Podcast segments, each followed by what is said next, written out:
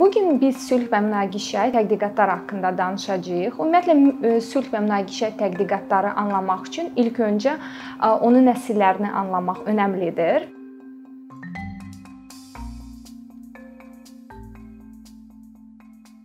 Bu nəsillər 3 əsas kriteriya əsasında formalaşıb. Birinci kriteriya hansı nəzəri məktəblər, idealizm, realizm, poststrukturalizm və digər nəzəri məktəblər, hansı ikinci kriteriya, hansı fənlər və dissiplinlər bu ola bilər siyasi elmlər, beynəlxalq münasibətlər, beynəlxalq hüquq, antropologiya və üçüncü kriteriya yanaşmadır.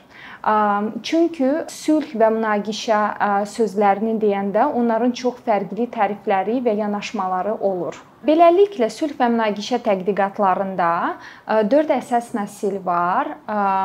Münaqişə və sülh tədqiqatların birinci nəsli münaqişənin idarə edilməsi adlandırılır və yaxud ingiliscə conflict management. Bu nəslin əsas məqsədi açıq zorakılığı və yaxud müharibəni dayandırmaqdır və nizam yaratmaqdır. Bunun misalı kimi Birləşmiş Millətlər Təşkilatının sülh məramlı qüvvələrini göstərmək olar. Onlar münaqişəyə daxil olunduğu zaman məqsədləri sadəcə müharibəni və açıq zorakılığı dayandırmaq olur. Lakin münaqişə tərəflər arasında münasibətlər bərpa olunması nəzərdə tutulmur. İkinci misal yüksək səviyyəli diplomatiya ola bilər. Mən verdiyim misallardan görsənir ki, burada əsas istifadə olunan alətlər hərbi və diplomatik alətlərdirlər. İştirakçılıq baxımından bu prosesdə vətəndaş cəmiyyətinin nümayəndələri və qeyri-hökumət təşkilatların nümayəndələri iştirak etmir və nəzəri məktəblər burada realizm və siyasi məktəbləridir. Sülh və münaqişə tədqiqatların ikinci nəsli münaqişənin həlli və yaxud conflict resolution adlandırılır. Bu nəsil birinci nəslin tənqidi üzərində formalaşıbdır.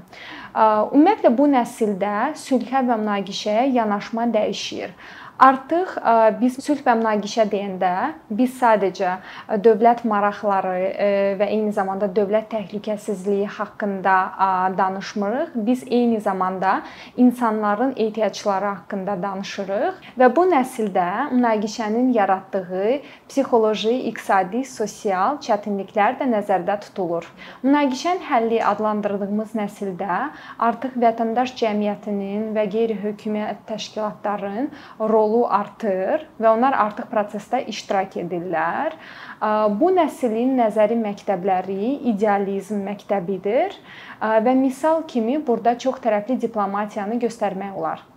Növbəti nəsil, 3-cü nəsil münaqişə və sülh tədqiqatlarında liberal sülh quruculuğu adlandırılır və eyni zamanda onun digər adları da var. Liberal dövlət quruculuğu və liberal sülh quruculuğun layihəsi. Bu adlar niyə var? Çünki sülh quruculuğundan savayı eyni zamanda liberal dəyərlərin təşviqi aparılır. Bu dəyərlərin misalı kimi azad bazar, insan hüquqları və ümumi digər demokratikləşmə proseslərini göstərmək olar.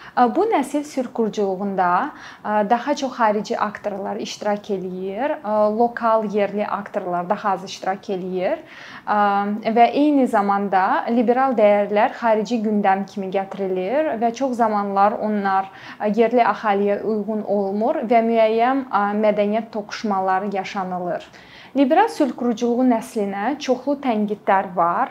Tənqidin biri ondan ibarətdir ki, bu gündəm xaricdə formalaşır, qərb gündəmidir və proses yuxarıdan aşağıya gedir. Çünki lokal insanlar prosesdə çox iştirak etmir və eyni zamanda sülh quruculuğundan daha çox burada liberal dəyərlər liberal dəyərlərin təşviqi aparılır. Münaqişə və sülh tədqiqatlarında 4-cü nəsil sülh quruculuğunda yerli və yaxud lokal dönüş adlandırılır. İngiliscə bu olacaq local turn in peace building. Bu nəsil liberal sülh quruculuğun tənqidi üzərində formalaşıb Və biz burada lokal deyəndə nəyi nəzərdə tuturuq? Biz burada lokal insanların iştirakını nəzərdə tuturuq. Bu ola bilər ki, yerli qeyri-hökumət təşkilatlar, yerli vətəndaş cəmiyyətinin nümayəndələri, yerli münaqişədən əziyyət çəkmiş icma və lokal insanların, lokalların, yerlilərin niyə iştirakı önəmlidir? Çünki onlar yerli konteksti daha yaxşı bilirlər və eyni zamanda yerli problemləri yaxşı tanıyırlar. Və bu nəsildə biz artıq görürük ki, lokal insanlar xarici aktorlardan, xarici iştirakçılardan daha çox iştirak edirlər və xarici aktorlar və iştirakçılar deyəndə mən beynəlxalq təşkilatları və donorları nəzərdə tuturam. Bu nəslin özündə də bölgülər var. Onlar birinci və ikinci yerli dönüş adlandırılır. Birinci yerli dönüş münaqişə transformasiya adlandırılır.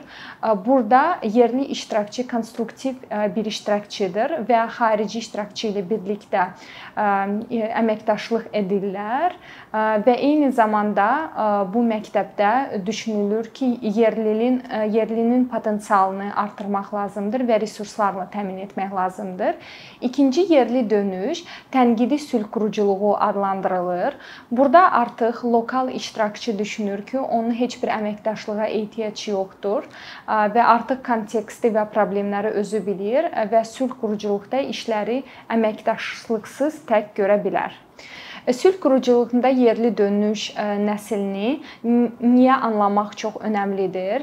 Çünki dünyada əksər sülh quruculuq proseslərində bu nəsil hal-hazırda istifadə olunur və bu nəsil digər nəsillərin tənqidi üzərində formalaşıbdır və bu deməkdir ki, artıq eyni səhvlər edilməyəcək, insan faktoru nəzərdə alınacaq, lokal iştirakçıların fikirləri nəzərə alınacaq.